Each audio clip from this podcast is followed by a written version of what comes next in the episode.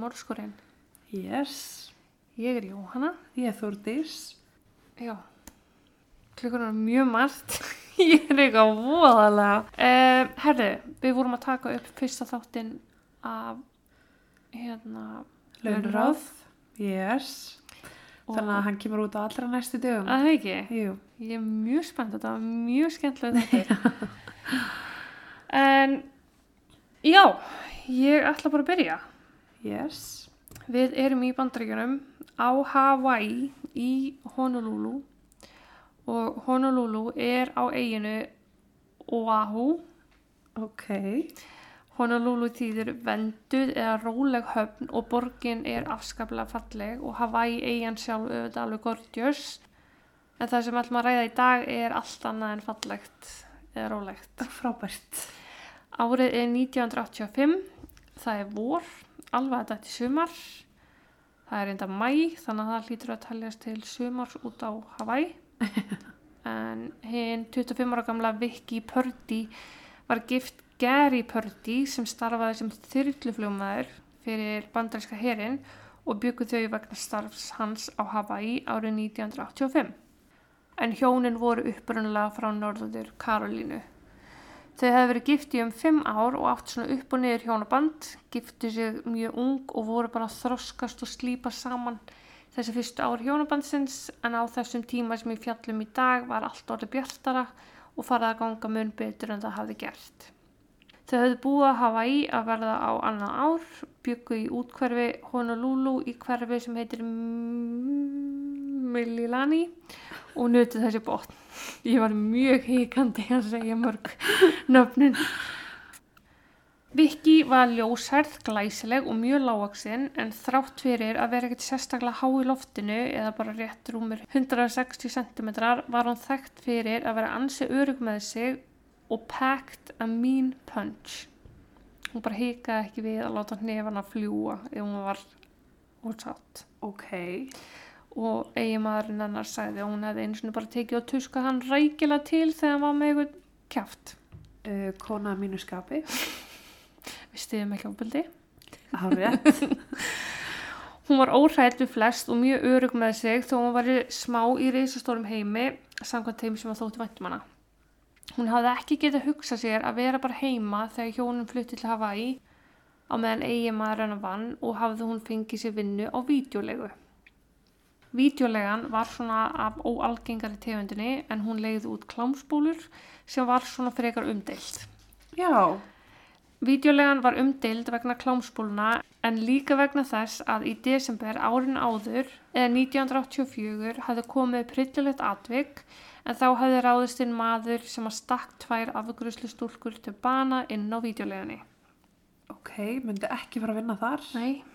Eiginmaður Viki var því alls ekki hrifin af því að hún inni þar en hann fekk lítið um það ráðið en það var Viki mjög sönn sjálfur sér og tók ákvarðanir fyrir sig eina en ekki til að þóknast öðrum í kringu sig. Hún kunni vel við vinnunum sína og samstarfsmenn og þarna ætlaði hún bara víst að vinna. Viki hafði á sínum yngra árum verið klappstýra, elskaði að hafa mikið fjöri kringu sig og var sérstaklega félagslind og það átti eftir hjálpinni að kynnast fólki í Honolulu. Hennar nánustu fann sumir af nýju vinum hennar vera frekar bara slæmur félagskapur og leist ekkert sérstaklega vel á lífverðni Viki. En lífverðni hennar var svo sem ekkert óeðlegt. Hún var jú bara gift þessum hermanni sem var lítið heima við og hún hafiði gaman af því að fara út að skemmta sér eins og svo margir aðrir á öllum aldri. Meitt, já. Gary, eiginmaður hennar, setti þetta ekkert fyrir sér sjálfur og var bara ánæður með það að henni liði vel þar sem hún var jú tilneita að elta hann um allan heim vegna vinnans. Já. En þann 29. mæ árið 1985 var Viki að fara út að skemmta sem við vinum. Þetta var um miðgutaskvöldi þannig hún ætlaði sér ekkert að vera neitt lengi. Hún kisti Gary sinn bless og kvattan með þeim orðum að hún kæmi líklas bara fyrir að snemma heim þetta kvöld. Viki hins vegar skilaði sér aldrei heim þetta kvöld. Gary reyndi árangurslaust að peitja hana, sem sagt sendinni, hvað heitir þetta? Ég er búin að Google Translate á allt. Svona síma skilabóða, Þetta er bara símsvari. Já, alltaf Eða ekki. símtæki eða eitthvað. Já, svona sem maður er með, Bara eins og læknar eru já, með. eins og Grey's Anatomy. Já. Um, hann var sérst búin að reyna að senda skilabóð á það tæki, endur tekið, en Viki hringdi aldrei í hann til að láta vita af sér. Það virkaði það þannig að hann sendi skilabóð og hún átti þá að fara í næsta símaklefa og ringi heim. Já, ok. Um morgunin hafði Viki enn ekki skilað sér heim svo Gary fór út til að leita að henni. Það leiði ekki á löngu þar til að hann var búin að finna bílinn hennar en hann fannst í bílakjallara við Shorebird hótelið. Bílinn var mannlaus en bygglaður. Búið var að tilkynna Viki týnda til lauruglu og því lauruglan farin að skoða máli frekar. Komi ljós að Viki hefði ringt í vini sína um tíu þetta kvöld og verið á leiðin að hitta þau. Hún skilaði sér hins vegar ekki til þeirra. Við nánari eftirgrænslan komi ljós að leigubílstjóri hafði kyrkt Viki að hótelinu sem að bílinn hennar fannst við.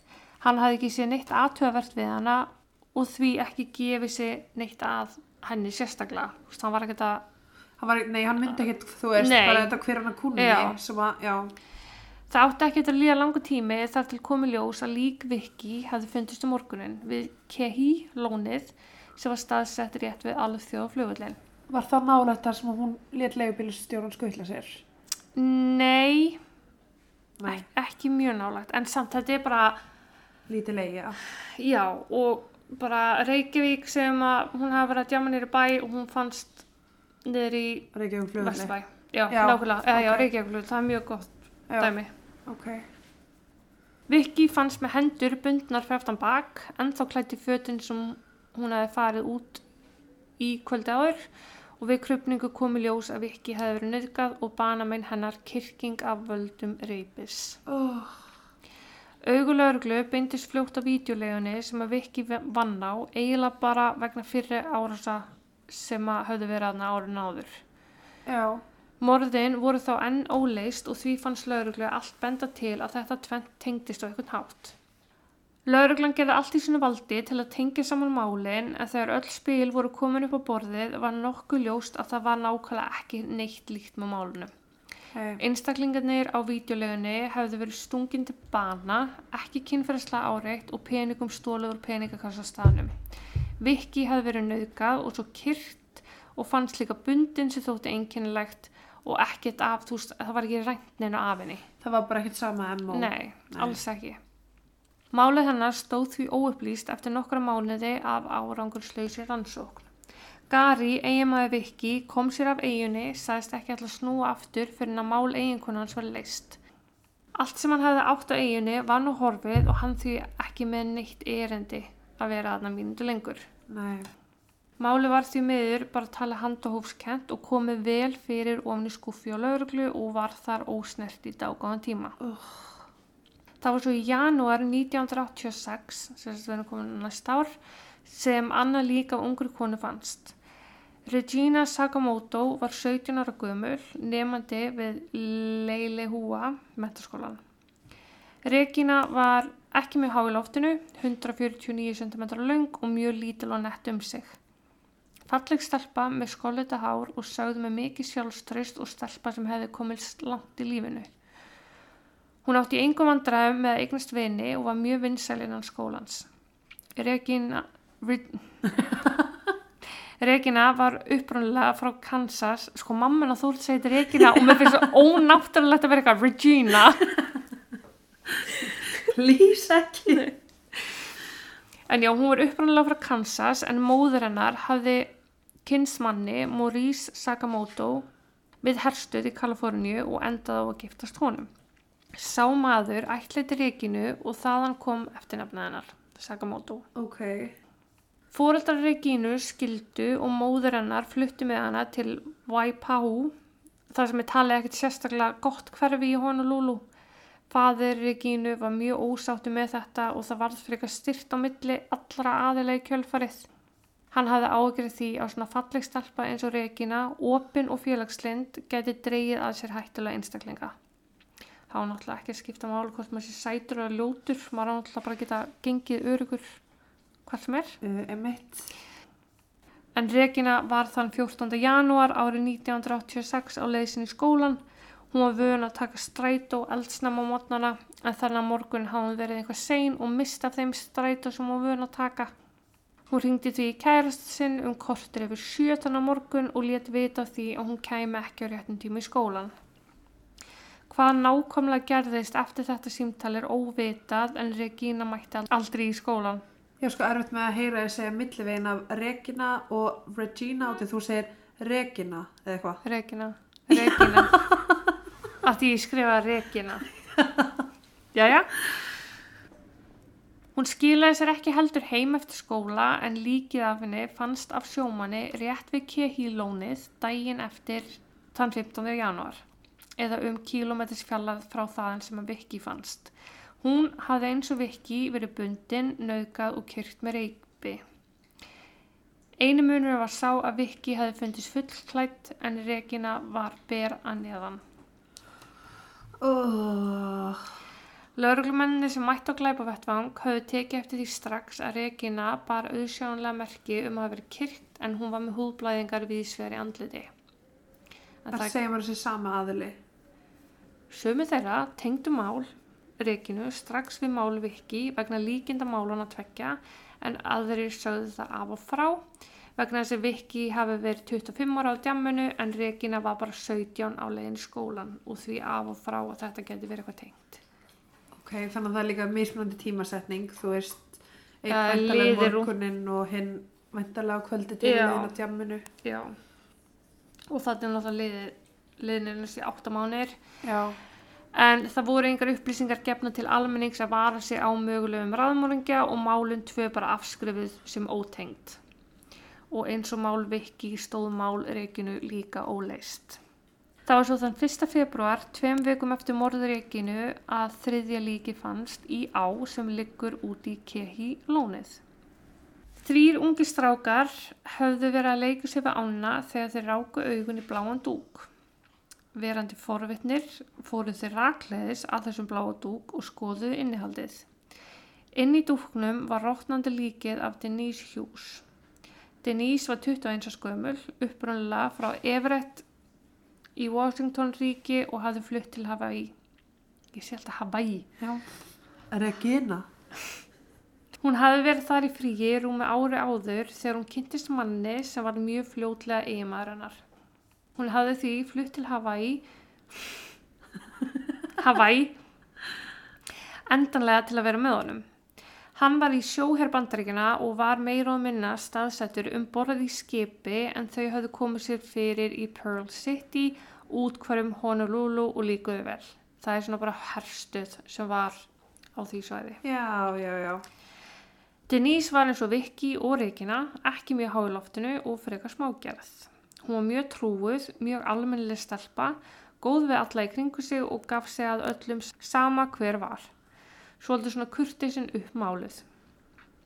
Hún vann sem rítari hjá símafyrirtæki og hafði þá stuttum tíma náði heilla alla upp á skónum innan fyrirtækisins. Hún átti orðið mikið af vinum og var duglega að brasa yfir daginn eftir vinnu, hvort sem að það voru vestlunarferðir eða, eða útihlaup, það átti hún alltaf auðvelt með að finna sér eitthvað að gera. Mammenar hafði haft áhyggjur af staðsetningunni sem þau hjónin höfðu valið sér til að búa en Denise ferðaðist um með strætó nánast alfarið og fannst henni óþægild að býða lengi einu við strætóstoppin og því hafði hún vanið sig á þá rútinu að ganga af stað þannig að hún rétt næði strætó frekar en að þurfa að standa og býða einu í Já, strætóskilinu. já, já. Þannig að hún næði næsta þá. Nei bara að, þú veist, Já, maður vissi já, bara já, að strætóin já. fyrir þetta 35 eða eitthvað og þá er maður bara komin 32, já, nákvæmlega en það var akkurat svo leið sem hún hvarf hún var á leiðin í strætó til vinnu þann 30. januar hún skilaði sér aldrei til vinnu og leit bara ekki árangur fyrir henni ungu strákarnir fundana í ánni Denise hafði eins og Vicky og Regina verið bundin, nöðgað og kirkt með reypi og því orðið nokkuð ljóst að um tilviljanir væri ekki ræða. Þetta er svo ofenbyr svæði. Mm Þú veist, að gangi strætó á leiðin í skólan, þú veist, Og er ekkert djamminu. fólk hann í kring. Nákvæmlega. Lauruglan ákvaði að setja saman 27 manna teimi sem að tæki fyrir þessi þrjú skuggalegu mordmál og átti þá að skoða líkingum málana, bara tengingum málana, hvort það Já. væri ykkur tenging. Honolulu Honolulu lauruglan sá að þeir væru jafnvel ekki með tökka á skoða svona stórt mál og því var kallað eftir aðstóð frá FBI og sama teimi og sá um að reykja ferðir Green River Killer. Já, ok. Hann var samt ekki handtekinn fyrir mörgum árum síðar en hann var sérst í sinni drápsmani á þessum tíma Já, og þetta er teimið sem að sá um að tengja saman öll hans mál eða hans fórnalömb. En þetta var allavega svona frekar flóknir aðstæður um var að ræða fyrsta raðmörðingja Hawaii og enginn kunni alveg handtökinn í svona málum. Lögreg, lögreglan gerði sér grein fyrir að það þyrfti að vera að það þyrfti að vara almenning við án þess að vekja upp eitthvað panik. Þannig að lögreglan kom fram í fréttum og gaf viðtöl uh, við fjölmela en þeir voru vist orðnir mjög góðir í að tala og tala og tala en gefa samt ekki upp neina mikilvægur upplýsingar. nei, Þannig að bladamenni voru kannski komið með mörg blöða einhverjum kommentum en ekkert aðeins skipti máli í stóra samminginu. Það voru engin dítel um málið, eða málin sem slík. já, Fólki var bara ráðlegt að vera ekkert mikið eitt á ferð og þykja ekki fara um ókunnum eða gefa svo að tala við einhverja sem það þekkti ekki neitt. Þegar málið voru komin í fjölmela kom örlítil pása hjá kirkinga óða einstaklingnum sem var greinilega laus. Pásan var ekki lengi en það var þann 2. apríl eða tveimu mánuðum eftir að Denise fannst látin sem á fjórða líki fannst. og þannig að hann er steikt á tíma núna. Já. Um var að ræða Louise Medeiros en hún var 25 ára gömul og upprænlega frá Hawaii. Ég get ekki sagt að það eru tvö í þá verði ég að segja það. Louise hafði átt svona fremur rótlaust líf. Hún átti þrjú börn sem hún hefði mist forræði yfir í gegnum tíðana en hún var nú með forræði aftur og allt leit, allt leit betur út. Hún átti orðið kærasta sem hún leiði íbúð með í Vaipau enn og aftur rétt fyrir utan Honolulu. Þau áttu saman vona batni og eins og ég segi bara allt í rétta átt hjá hann aftur. Louise var lítil og nett eins og Vicky, Regina og Denise og ég held að við vitum hvert þetta stefni núna. Oh, Louise hafði nýlega mist móður sína og þurfti að fara við upplöstur erfðaskrá móður hennar en það átti að gera á annari eigu. Kauai. hmm. K-U-A-I. Hver setur fjóra sérhljóða saman? Emitt. Þar var hún þann 27. mars og átti flugum kvöldi til Oahu aftur. Ég get þetta ekki sér. oh. Sistrannar var órótt að hún væri að fara að taka nætflug og taka svo stræt og heim til sín og baða hana um að koma sér heim á einhvern annan máta eða jafnvel bara taka fluta í henn eftir þú veist, Já. og vera þá að ferðast í björtu. En Louise var alvön að ferðast með strætó og ætlaði ekki að láta segja þessi fyrir verkum. Hún tæki bara þetta nætuflug og tæki svo strætó heim eins og hún hafi gert svo oft áður. Louise lent um nóttina og sást svo ekki meir. Það var svo annan apríl eða viku síðar að vegavinnumenn rákust á lík hennar við árabakka Waikili ánar. Louise hefði verið bundin, nöðgað og svo kyrkt með reypi og var þegar hún fannst nakin fyrir neða mitti og enn klætti sömu blússu og hún hefði farið í flugið í. Ok, er engin vitni á svæðinu sem að sjá eitthvað óvinnlegt gerast? Nipp. Það er engin að segja mig það að þessar stelpur hafi farið upp í bíl viljandi ekki nema einhverju hafi bóðum fari, jú, þær eru Mhm. náttúrulega allar á leiðinni eitthvað. -hmm. Þannig að máli. En nei, það bara verðist engin vita neitt. Og núna höfðu fjóra konur verið myrtar og lauruglan yngunær. Á þessum tíma og enn í dag var bilað mikið af ferðamönnum eða um 10,5 miljón ferðamanna á milli 1985 og 1986. Á sæll. Mikið af hermönum störfuðu í og í kringum Honolulu og almennt mikið af fólki sem stoppaði stutt til að vinna Já, þú veist, það var svona season workers sem voru að koma yfir einhver vissar hátíðir eða viss tímabil Já, að vinna bara svo- í 2, 4, 6, 8, 10 vikur og svo bara farin. já, Þannig að morðingin hefði getið verið hver sem er. Viðkomandi geti verið löngu farin af eiginni, stoppa stutt á eiginu á milli þess sem að myrti konur og þeir voru orðni bara mjög smekir um að erfitt er það námorðingjunum sem var nú kallar The Honolulu Stra Strangler Strangler. Frá, oh, frá upphafi var nokkuð ljóst að morðingin eldi heldi ekki fórnalambi sín. Frekar væri um að ræða Karlmann sem að væri tækifæri sinni Allar höfðu konunar horfið þegar þær voru á einhvers konar flakki eins og það er, voru á leiðin einhvert já, og trúlaðist um að ræða mann sem að byði þeim jafnvel far. Oh.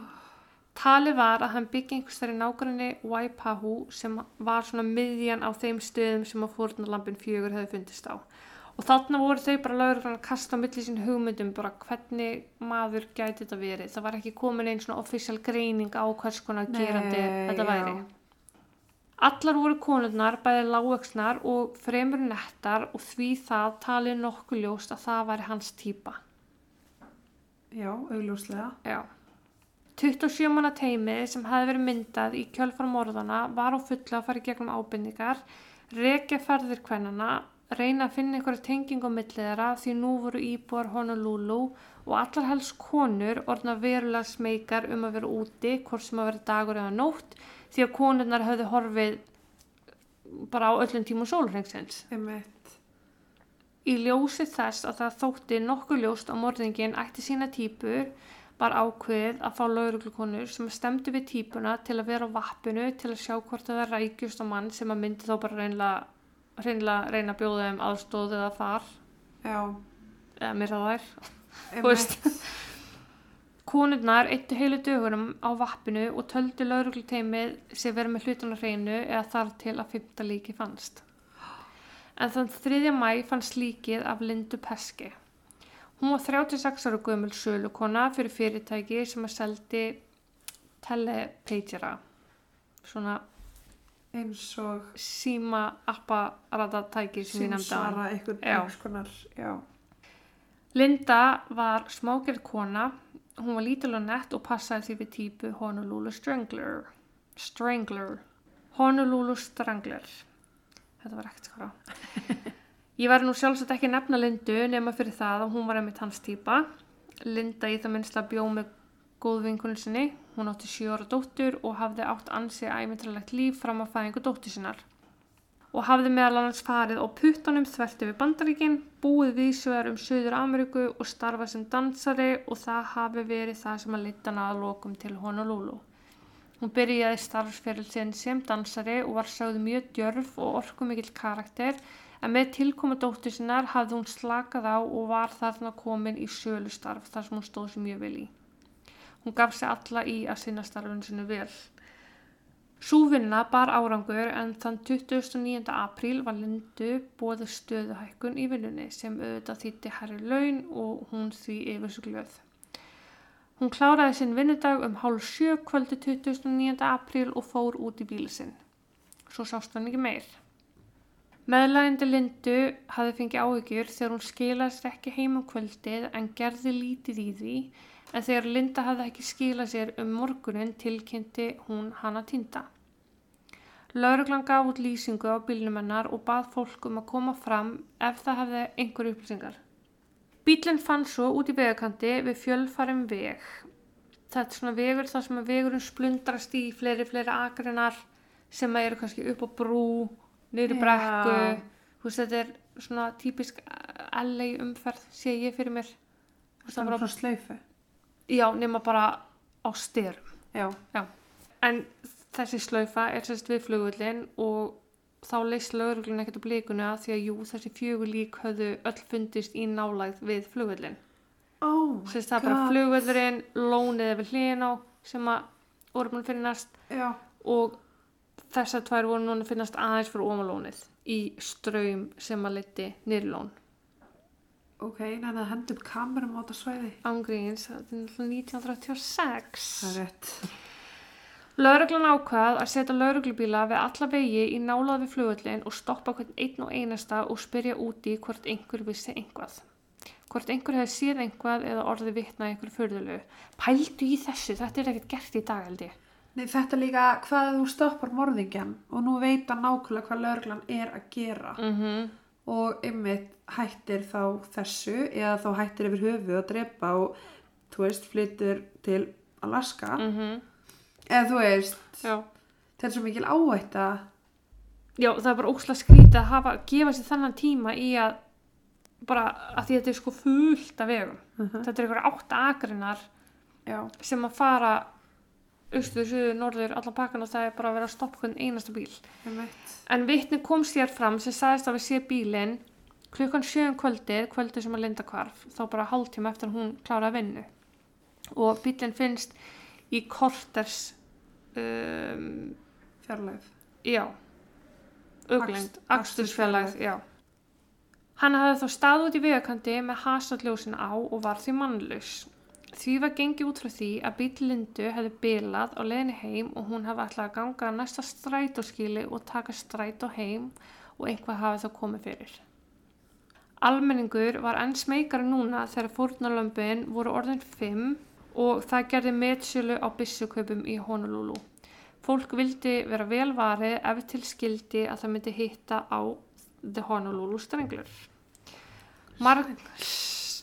Strangler, ég get ekki sagt þetta. strangler Strangler. strangler Maður getur ekki sagt það þess að Nei. ógeðslega asnalegir. já, Margar konur sóttu svo sjálfsvartan námskeið og voru slík námskeið meir og minna smekkfull í lengri tíma. Lauruglan byðlaði enn og aftur til fólks að fara varlega og treysta ekki hverjum sem er. Veri ekkert að ræða við ókunna eða gefa svo tal við einhvern óþörfu og ef að bíl sérstaklega hvenna bilaði ættu þær að sækja felguleikil sem fylgir svona flestum bílum. Já, læsa sinni bíl og ekki opna fyrir neinum. Og ef einhver reynir að aðstóða að byggja þá viðkomendum hringi bara beint til laurugluna. já. Lauruglan hjælt blaðamannafund þar sem að var bara tekið skýrst fram að grunur væri um að Linda hefði hlotið skada af og í ljósi þess að það var nú þegar fjóra konur látnar þyrfti að hafa hraðar hendur og bygglaði til almennings um að koma fram með alla þær upplýsingar sem að þeim deitt í hug. Þess að Linda ekki hann fundin. já og þeir eru bara tengið saman Já, ábendingar ringdu við laurugluna sem gerði ekki annað en að elta þær og reyna að komast til botts í málunu.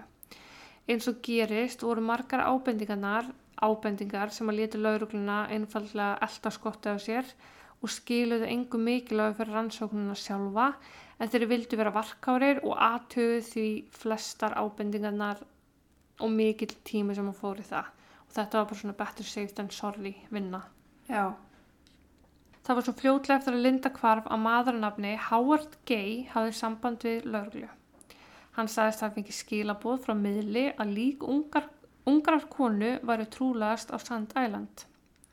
Hann sagðist að það fengi nákvæmur upplýsingar hvað líki var að finna. Hann sagðist að fara á einhver sjálfur fyrir um daginn og hafi séð einhver sem hann fannst líkjast einhvers konar líkamslegum. Og fekk lauruglan með sér að Sand Island til að sína þeim hvar hann taldi líki vera. taldi Já. ok, hann var mjög nákvæmur og var bara, herru, líkið er eitthvað hérna og lögurinn var bara, ok, skoðum það aðeins lengra á þangað hann bara, já, neini, það er ekki þarna það er einhver stað hérna löngsaðstu, líkið var sjálfsög ekki það sem hann sagðist vera vissum að væri en lögurinn fór aftur síðan um daginn og þá fannst líklindu 140 metrum frá þeim stað sem að lögurinn hafi verið að skoða fyrir um daginn á þeim stað sem að þessi Howard sagðist vera vissum að líki var ekki. Og hvar fekk hann þessa tilkynningu um þetta lík? Frá miðli. ok. Howard did you do it Linda var nakin fyrir neða mitti, bundin, henni hefði verið naukað og kyrkt með reypi. Búið var að hrúa steinum yfir hana til að reyna öll ummerki um að þarna lægi látum kona. Það þótti eðlilega mjög furðulegt að hann, þessi Howard, kæmi fram með þessar upplýsingar og enn furðulegra var að hann sagðist vita hver Linda Perski væri. Hann sagði að hún hefði reynt að selja honum um, pager, phone pager, Já. Áður og þegar þetta var aðtöðað þá var það alveg hár rétt hjá honum. Linda hefði verið með gögn um að hafa rætt við hann um sölu á slíku tæki. Hún hefði meira að segja hitt hann daginn sem hún hvarf. ok, Howard vann sem bifvilavirki og það þótti fyrir eitthvað óþægileg tilviljun. Bíll Lindu hefði verið bílar út í veðkanti. Lauraglan ákveð því að fylgjast aðeins með honum.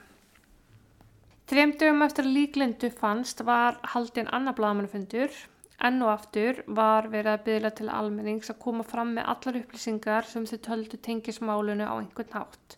Það yrði að grafa ofan í allt. Ekki þetta væri of ómerkilegt til að láta vita af.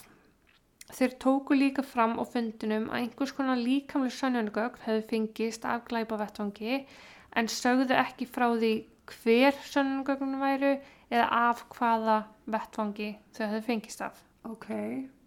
Einnig var tekið fram með engin lægjöndu grun og engin væri sérstaklega undir smá sjálfuruglu. Í kjölfari kom ábending um að maður í sendiferðabíl hafi verið lagður út í kanti kvöldi sem að linda kvarf. Viðkomandi var líst sem ljósum manni á aldrinum 35-45 ára í ljósum sendiferðabíl með einhvers konar texta í framröðu bílsins. Það vildi svo heppilega til að lýsing FBI á þeim gruna stemdi við lýsingun á þessu manni. Ljósmaður á aldrinu 35-45 ára sem vann og eða bjó á svæðinu í kringum þar sem að líkinu hefur fundist. Talið var að hann væri að eiga einhvers konar hjónabandserfileikum eða sambandserfileikum og væri að þá að taka út gremju á ókunnum konum þegar hann hefði tækifæri til. Þessi lýsing stemdi líka við Howard Gay sem var ljósa hörund, starfaði sem bifulavirki, var á miðumaldri eða 43 ára Hann bjó á Eva Beats, vann við Lagoon Drive sem var hvoru tvekja nálagt öllum stöðunum sem að líkin hefði fundist á og það átti eftir að koma ljós að hann var heldur betur í sambandsarfileikum með kærastun sinni og hafði líka átt ansi strempi samband við fyrirvændi eiginkonu sína. Fyrir utan allt þetta þá átt hann líka sendifærabíl. Ah, ding, ding, ding. Hann var því eðlilega núna undir smásjölaugruglu Lauruglan eldi hann út um allt og urði meðal annars vittna því þegar hann skrapaði stafi sem voru í framrúðu sendifærabílisins sem hann átti. Og það var sem sagt kom áður ábending um sendifærabíl sem hefði verið með einhvers konar texta í framrúðu bílisins. Ok. Og þarna var Howard að skrapa textan úr sínum bíl Ah. sem bara þótti mjög förðulegt. Uh, já. 9. mæ var hann svo tekinn til yfirheyslu og hann mætti bara ánálsviðsens. Hann tók legapróf sem hann fjall á og var yfirheyrður í rúma 7 tíma. Hann var pollrólugur, illaslagur yfir öllu spurningunum sem var kasta á hann og svaraði öllu með mikilli yfirvögun. Líkamlegu sannangögnin sem að lauruglan sæðist vera með voru sæði síni en því miður sæði síni sem að skiluðu litlu. Búið að vera að senda sínið í greiningu en komi ljós að ekki var hægt að segja til um hver eigandi sæðisins væri vegna þess að það hefði verið lítið af sæðisfrumum í sjálfu sæðinu sem er bara fjarrir mínu skilning. En ok. Var þetta sæði frá einhverju sem hefði farið í herraklippingu Ah, sem væri, já, já, er Howard the Coward búin að fara í herraklippingu? það er ekki vitað. Ekki vitað, ok. En út frá þessu sæði var hægt að gera blóðflokkar ansók. Ok. En það var ekki hægt að staðfesta þó svo að Howard væri í sama blóðflokki að hann veri segur um nokkur skapaðan hlut því að það eru mjög margir í sama blóðflokki. Já, Eina sem var ekki hægt ekki, það var ekki hægt að útilokan já, já. að hann var tengt málunu. Hann neitaði fyrir að hafa átt einhver með andlót linda að gera og hinna kvennana og hætti svo alfarið öllu samstarfi lauruglu þegar lögfræðingur á vegum kærusta hans hafði samband við hann í gegnum lauruglu og bannaði honum að segja orð. Þannig að það ringir hann á lauruglu, nei, lögfræðingur á lauruglustöðuna, byrjum að fá að tala á hann við Howard. Howard svarar símanum og þá er lögfræðingur bara, já, sæll, ég er hérna á vegum kærustuðunar, ekki segja eitt stakt orði viðbútt. Og hann hefur bara ekki sagt orð eftir það. Ok. Kærasta Howard sagði að hann var smooth talker. Hann ætti hryllilega auðvelt að tæla konur og fá þær til að spjalla um daginn og veginn og yfirleitt enduðu öll hans samtöl við konur á einhvers konar kynferðslan máta. Ah. Eiginkonans fyrirvændi sagði að hann hefði átt að til að binda hana í kynlifi og vera grófur og þetta tók kærastan undir líka. Kærastan sagði frá því að Howard hefði ekki verið heima alla þá daga sem að konurna fimm hörfu. Í hver skipti höfðu þau parið rífist og hann endað á að rjúka út og ekki skila sér heim fyrir um morgun. Áhugavert. Með allt þetta á borðinu ákvað lögregla að ráðfæra sig við saksóknara. Saksóknari var því miður ekki með svörin sem þeir vildu. Þetta voru ekki næg sönnunagögn. Og ef hann yrði ákjæru fyrir glæpin núna með þessi sönnunagögn og síknaður væri ekki hægt að ákjæra hann aftur setna ef ykkur önnur sönnunagögn, einhver sterkari sönnunagögn kæmu upp gegn honum. Nei, það er rétt. Það var því mikil gleði þegar ung kona kom fram og sagðist að það var séð mann með Lindu Peski kvöldi sem hún kvarf. Hún var tilbúin til að bera kennsla mannin. Hávard var því stilt upp á samt nokkrum öðrum og konan fenginn til, til að bera kennsl. Konan bar kennsla á Hávard eins og skot og loksins var saksóknari komin með sönnunina sem til þurfti að ákjæra Hávard. En þegar kom loksins að því að konan átti að bera vittni fyrir dóm þá bakkaði hún. Hún var smeyk og hrætt og harn neitaði að vera einhver aðstóð og var því málið afturfallið í vaskinn. Ok. Löngsaga stutt, Howard slapp. Hann flutti til mið-vesturíkja bandaríkjana þar sem að lauruglan þar hjælt áfram að fylgja smiðunum að byðinni lauruglunar í Honolulu. Hann var eldur allarleið til Evrópu í tvígang og eins brútal og það er þá vonaðis lauruglan og FBI til að hann myndi brjóta af sér að einhverjum hætti svo það væri hægt að handtaka hann. Ok. Eftir að hann flutti frá Honolulu og hætti morðin. Já. um, aldrei var þetta bendlan við neitt og því gekk hann saklaus og hann gerði aldrei nokkuð skapaðan hlut af sér aftur. Ok. Hann dó árið 2003 og þó við séum komin með flott DNA-tækni í dag, það var sérst ekki að taka DNA á þessum tíma, þá er ekki enn búið að aðtöga hvort það séu til lífsýni frá Howard sem hægt er að bera saman við sæði sínið sem fannst árið 1936 og það er ekki eins og 100% að þetta sæði síni sé til í dag. Oh. En Howard átti bann þannig að kannski einhver tíman væri hægt að fá DNA hjá því banni og bera það saman við sæði sínið. Heldur að mamma bara sér sleifið það? Banni er náttúrulega bara orðið í fullorðið í dag. Já, tekur sér sjálfstæðar ákvæmni. Já. En deild kaldra mála hjá lauruglunni í Honolulu hefur lofað að þau komi til með að gera allt í sínu valdi til að reyna að leysa málið. Það var sérst 2016 var bara köld mála deild stofnuð sem að eru að doppeltjaka öll sönnunugögg sem eru til og prófa þau sönnunugögg sem var, voru aldrei prófað á sínum tíma því að vantaði tæknina. Já. Þannig að með þeirri deildi er vonast til þess að mörg mála náloksast að leysast eða útiloka eða þú veist að þeir rétt að koma í ljós. En þessi fimm morð eru í dag óleist og Howard er meira að segja bendlað við tvö önnur morð. Annað þeirra fram með 1982 á 17 ára stúlku og hefði setna sumara 85 eða mánuði eftir að viki fyrsta fórnalambið var myrt. Það góða í þessu er það að morð fyrnast ekki í ríkinu Hawaii og því alltaf hægt að opna mála aftur og reyna að leysa það þó svo að Howard sér dáin. Það var alltaf hægt að sanna eða afsanna hvort að það hafi verið hann. Já. En þetta var maður sem átti enga sakaskrá að baka sér, ekki bendlað við neitt fyrr eða síðar og engin skilur Hvers vegna? hvers vegna hann allt í henni tók upp þessu og svo bara hætti hann Þú veist, það, hann var bara, það fylgst með honum í bara ykkur 15 ár eftir síðastu morðið og hann Já. gerði aldrei nokkuð skapaðan hlut af sér ekki eins og aukulega brot hann bara kirkti og nöðgæði konum á Hawaii og svo bara já, komið gott Ætlaði bara alls ekki að nást. Nei.